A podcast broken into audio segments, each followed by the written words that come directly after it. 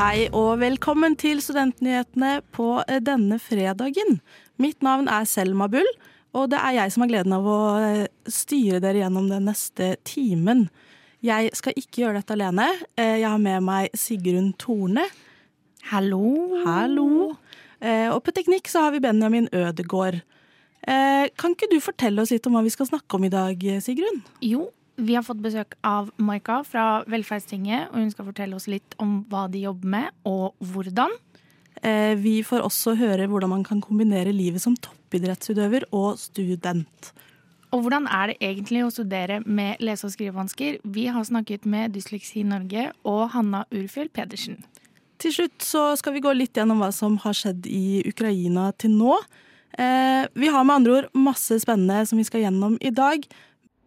Nei, altså Vi skal fortsette å være en tydelig stemme. For studentene i Oslo og Akershus. Det er jo ikke alle som merker det. Studentnyhetene. Vi fremmer studentenes interesser. Og vi er her i studio med leder for Velferdstinget, Maika Marie Godal Dam. Hallo. Hallo, hallo. Eh, studentdemokratiet på UiO består jo av litt forskjellige organer, som f.eks. Velferdstinget. Eh, men det er kanskje ikke alle som vet helt hva dere driver med, så derfor så har vi invitert deg. Eh, først og fremst, kan ikke du fortelle oss litt om hvem du er? Det kan jeg gjøre. Maika heter jeg. Jeg er 25 år, akkurat blitt.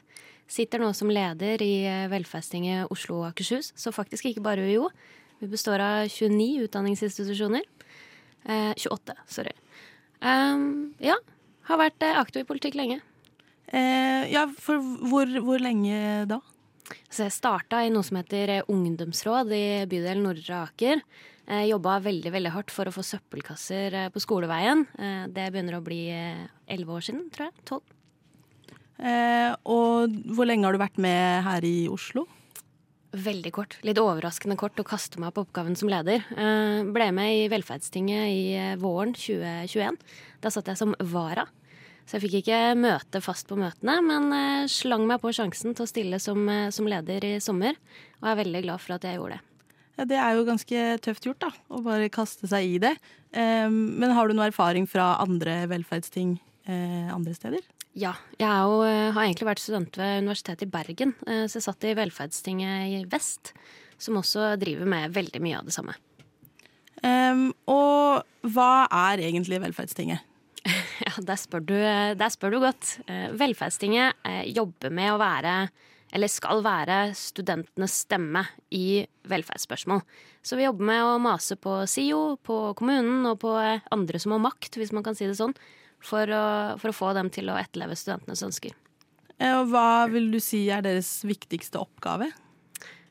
Altså, jeg mener jo det at vår viktigste oppgave er å løfte studentenes stemme. Studenter er en egen gruppe med litt andre behov enn enn andre. Eh, Vi er opptatt av litt andre ting eh, enn altså andre grupper i samfunnet. Så det viktigste er å løfte studentenes stemme, som gjerne kan bli litt glemt.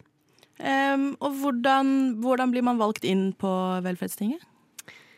Eh, alle utdanningsinstitusjonene som er eh, med i eh, SIO, Studentsamskipnaden, velger noen representanter fra sine studentdemokratier. Så per nå så sitter det vel en eh, 13-14 fra UiO og 10-12 fra Oslo OsloMet. I tillegg så sitter BI, Høgskolen Kristiania og noen representanter fra BI. Og fra litt av de små utdanningsinstitusjonene som også er med hos oss. Mm. Eh, og du er jo som sagt leder for Velferdstinget. Hva innebærer det? Ah, veldig mye forskjellig. Eh, som med mange lederjobber så innebærer det å ha oversikt over alle oppgavene vi skal gjøre. Ha oversikt over sine ansatte, sine tillitsvalgte. Eh, sørge for at ting går rundt. Eh, mye ja, mye å representere de sakene vi bryr oss om. Altså bolig, helse, eh, kollektivtransport, miljø. Eh, løfte de temaene som kommer opp. Nå nylig snakket vi, har vi snakket mye om strømstøtten til studenter. Studentene ble i starten litt glemt i hele, hele det strømoppgjøret som kom. Så det har vært en viktig sak for oss å, å sørge for oss å fortelle hvordan det er for studenter, og at de også har, har dyre regninger. Eh, samarbeider dere med studentparlamentene? Ja, alle studentparlamentene. Hvordan foregår det samarbeidet? Altså, det er jo de som utgjør velferdsingen. da. Eh, så uten dem er vi jo ingenting. Eh, så er vi også i dialog eh, med dem hele tiden. Eh, ja. Jeg regner jo med at når du er leder, så er det kanskje en fulltidsgig? Det er en fulltidsgig, og sammen med meg så har jeg tre andre som også sitter fulltid, i tillegg til en administrasjon. Hva slags stillinger er det de tre andre har? Vi har en som jobber med, med det politiske arbeidet og opp mot media. Sørger for at vi kommer, kommer f.eks. her. Så har vi nestleder som eh, bl.a. står ansvarlig for å dele ut alle de pengene vi har. Vi deler jo ut 16,5 millioner nå sist eh, ja, en gang i året. Så det er jo en stor jobb. Eh, Og så har vi en samarbeidsansvarlig som er ute og holder kontakten med studentdemokratiene og sørger for at vi er, eh, er synlige i sosiale medier og lignende. Eh, Hva er viktig fokus for dere når dere skal dele ut alle disse midlene dere har til rådighet?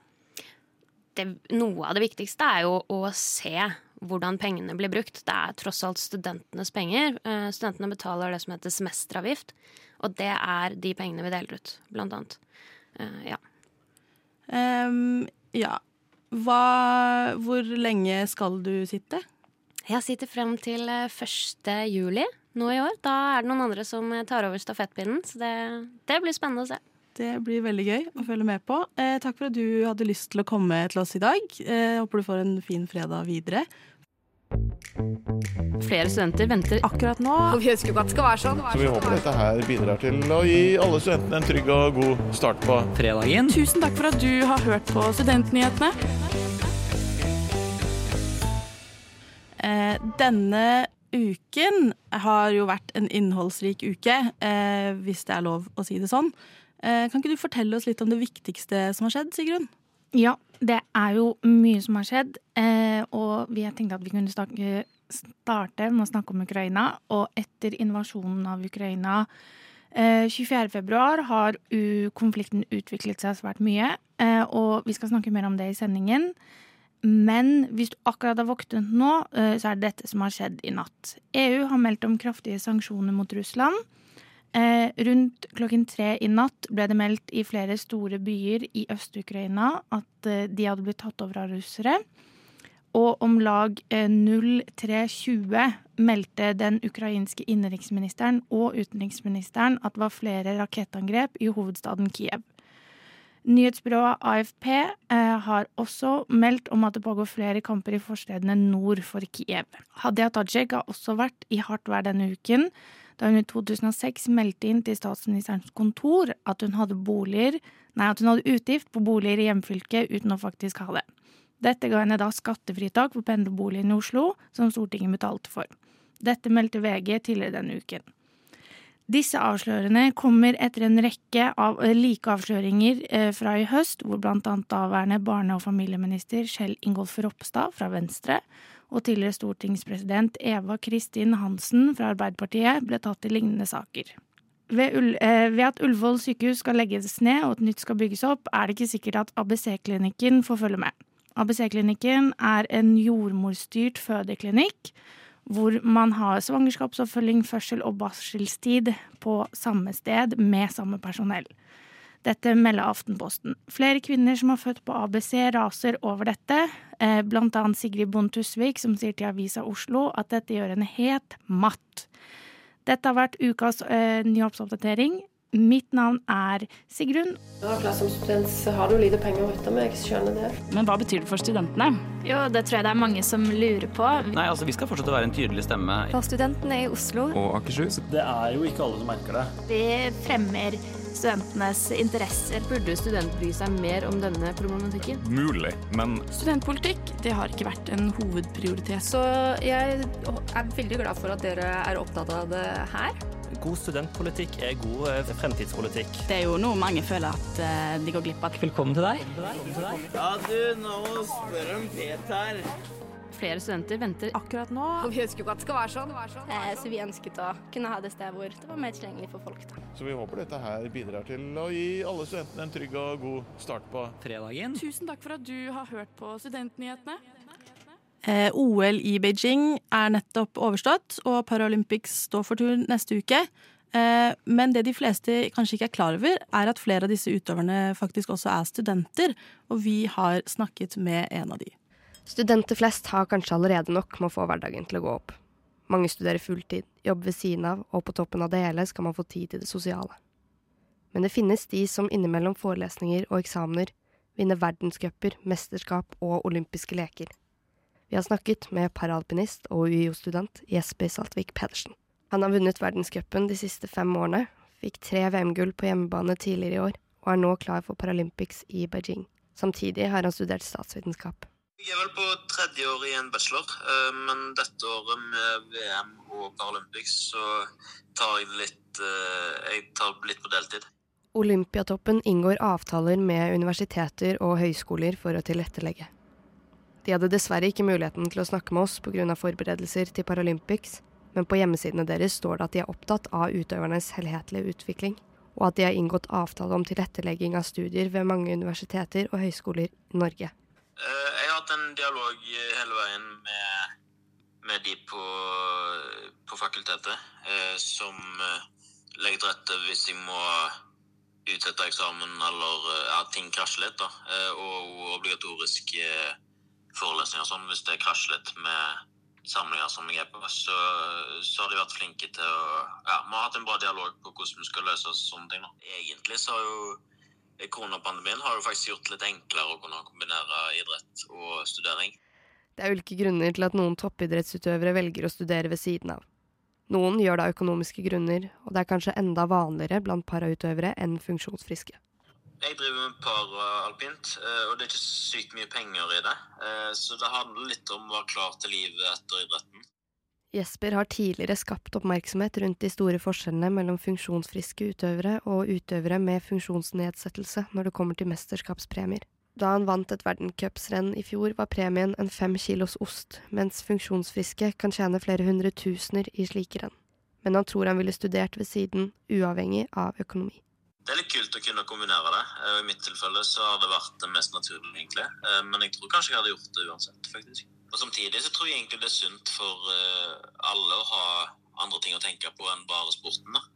Men selv om universitetet tilrettelegger studieløpet, må den allerede travle hverdagen struktureres nøye. Jesper forteller at han må være fleksibel og bruke tiden effektiv mellom slagene, eller når fridagene først byr seg.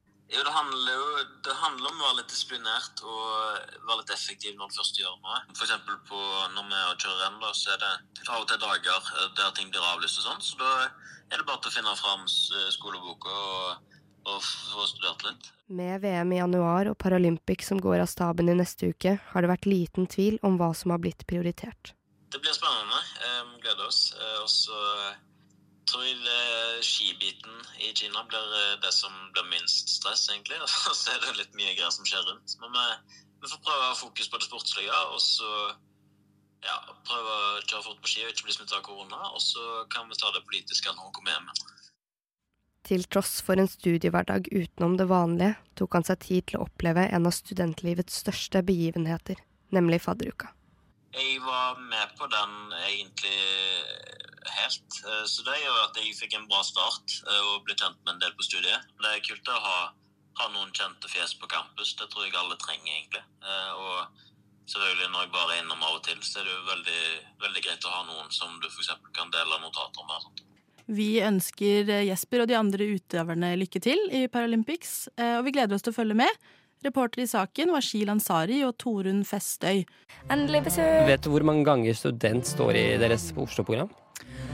Det har jeg nok eh, ikke talt opp, eh, men jeg antar at dere har. Vi er nyhetsprogrammet av og med studenter. God studentpolitikk er god fremtidspolitikk.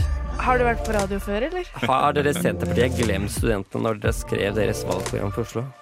Altså, mulig. Vi er på radioen din.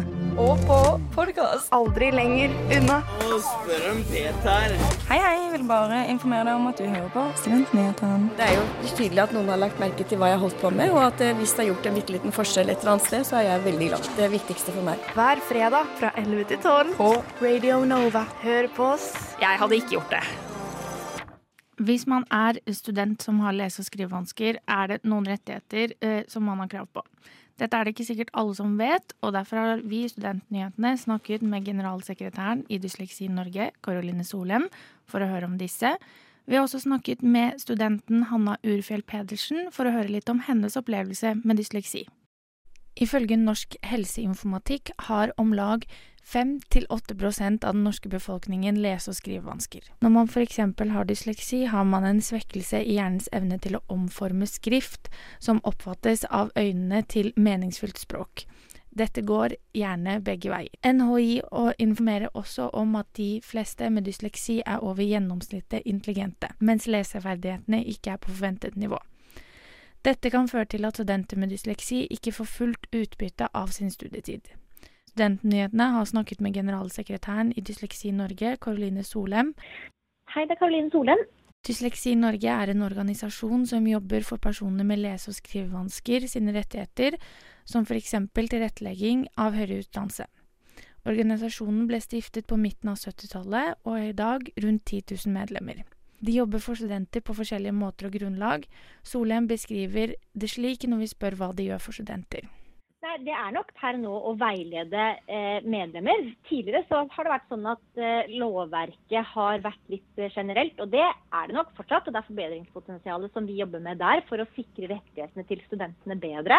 Så jobber vi også med å sikre studentenes tilgang til lærestoff. Det er jo sånn at man i dag som student med lesevansker får muligheten til å låne lydbøker hos noe som heter Norsk lyd- og blindeskriftsbibliotek. Per nå står det i loven at studenter med dysleksi har rett på tilrettelegging. Hvilke andre rettigheter har de også? Man kan kanskje dele det litt i to. Eh, for det første så har man noen rettigheter til opptak.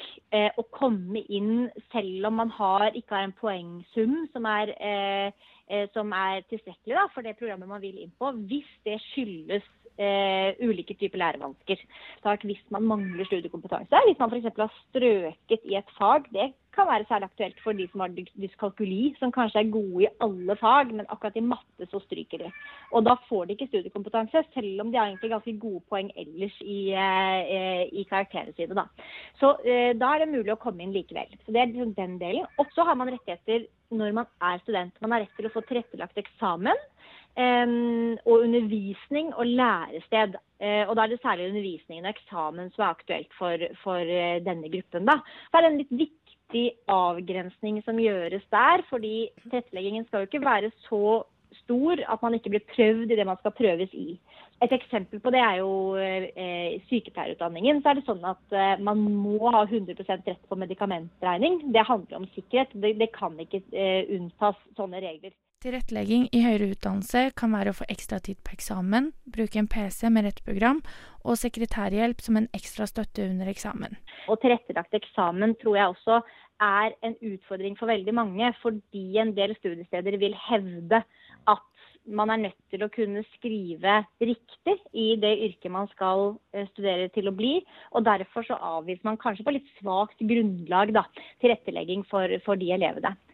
Opplever dere at rettighetene til medlemmene deres blir ivaretatt? Vi opplever at det varierer veldig. Og det varierer ikke bare fra universitet til universitet, det varierer også fra fakultet til fakultet. Vi har også snakket med Hanna Urfjell Pedersen, som studerer journalistikk ved Høgskolen Kristiania. Dette sier hun om å bli diagnostisert med dysleksi. Det var faktisk i eh, mai i fjor, så jeg har jo ikke hatt diagnosen i mer enn eh, noen måneder. Um, men jeg hadde tenkt på det en liten stund, siden kanskje VG3. Men jeg har mer eh, lesevansker enn jeg har skrivevansker. Solheim bekrefter at det er normalt at mange oppdager sin dysleksi og blir diagnostisert først når man begynner å studere. Hun nevner at dette kan komme av at de enten har jobbet veldig hardt, eller at de ikke har blitt fanget opp av systemet fordi de har mildere symptomer. På videregående så følte jeg meg ganske dum. Fordi jo høyere nivå det ble på tinga, så følte jeg liksom at det ble litt sånn Det gikk litt dårligere. Ehm, for jeg er vant til å være ganske skoleflink. Til slutt har Pedersen og Solheim noen råd til de som har dysleksi, og til de som kjenner noen som har dysleksi.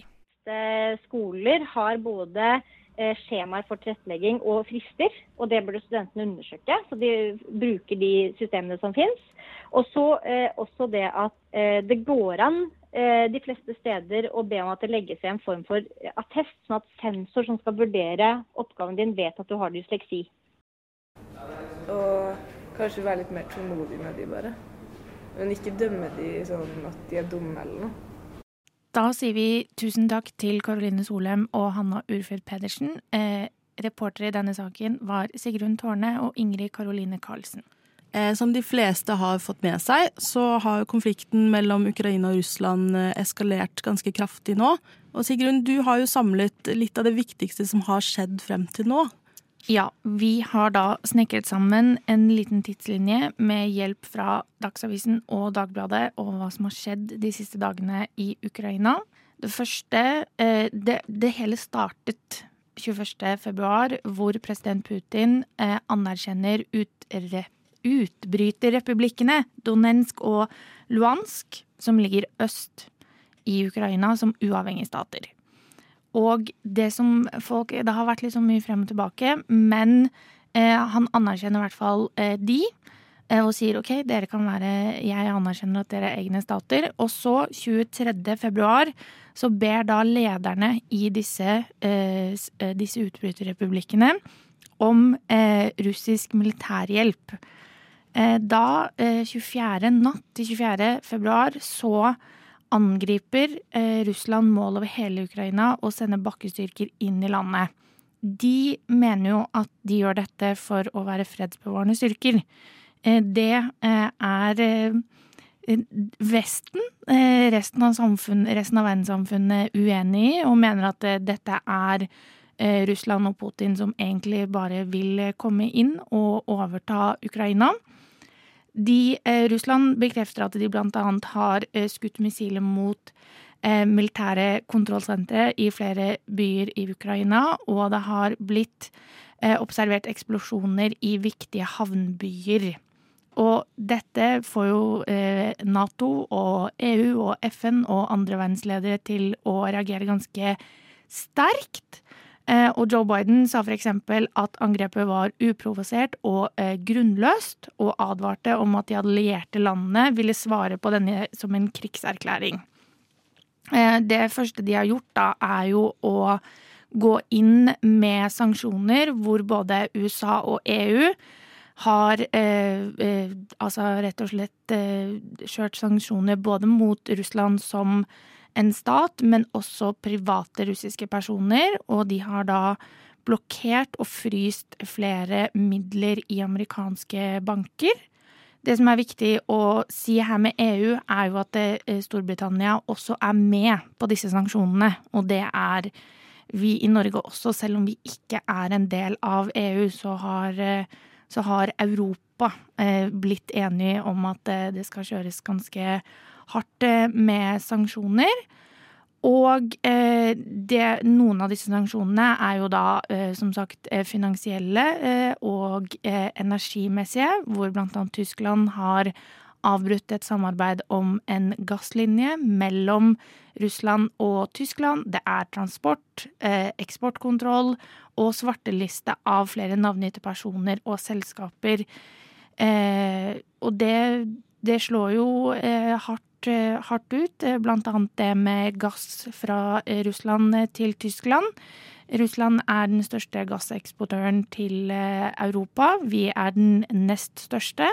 Så nå er vel oljefatene på over 100, 100 dollar. Det er vel norske økonomer glad for, uten at jeg skjønner at uh, personlig uten at jeg skjønner personlig at vi skal være glad for at vi er i krig. Um, så uh, er det uh, viktig å si at um, rundt klokken ti i dag så meldte da nyhetsbyrået uh, Associated Press at det var hørt skyting i nærheten av regjeringskvartalet i sentrum og i Kiev.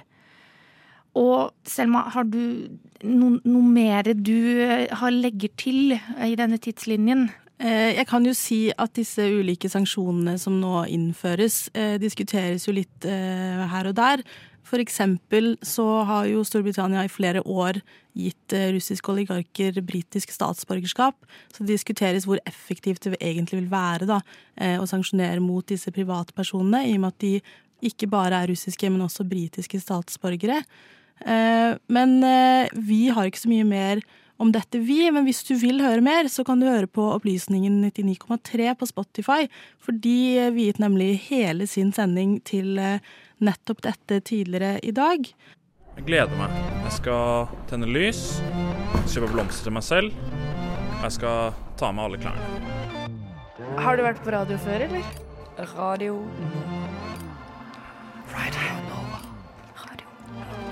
Radio Nova. Vi er nyhetsprogrammet. Hei, hei. Jeg vil bare informere deg om at du hører på Radio Nova med Studentnyhetene. Hei, hei. Vi nærmer oss dessverre slutten på Studentnyhetene for i dag. Eh, Det betyr jo dog at det straks er helg. Eh, Denne helgen så skal jeg i hvert fall på jobb. Eh, Sikkert drikke noe pils. Og sikkert gå noe tur. Hva skal du, Sigrun? Jeg skal hjem til min, til min kjære familie. Jeg skal til Moss, hvor jeg kommer fra. Eh, skal være bursdagen til onkelen min og være litt med mormoren min, så det blir sikkert veldig hyggelig. Eh, det blir nok eh, turgåing på meg, ikke noe jobb, og mest sannsynlig ikke noe pils. Er det mye fine turområder i Moss, eller? Ja, vil jo si det. Eh, spesielt der hvor jeg bor, på Jeløya. Koselig å gå, har jo hund hjemme. Så da blir, det nok, blir jeg nok tvunget med på tur av min kjære mor, tror jeg. Ja, men altså, jeg elsker å gå tur, så jeg, jeg støtter det. Eh, tusen takk for at du hørte på Studentnyhetene i dag. Du må gjerne høre oss igjen på podkast, eh, og følge oss på sosiale medier. Der heter vi Studentnyhetene. Mitt navn er eh, Selma, og med meg i studio har jeg hatt Sigrun, og tekniker har vært Benjamin. Ha det bra, og god helg! Alle gjerne trenger mer podkast. Du har hørt på Studentnyhetene i dag? Jeg hoppa litt i taket. Jeg var veldig overraska. Jeg hadde ikke forventa å ende opp eh, her, egentlig. Å, hyggelig. Jeg følger bare med å sette høye krav og kjempe for dem, da. Eh, Og si at det her er ikke godt nok. Eh, Men tusen takk for at du har hørt på Studentnyhetene i dag. Jeg hadde ikke gjort det. Jeg hadde ikke Gjort det.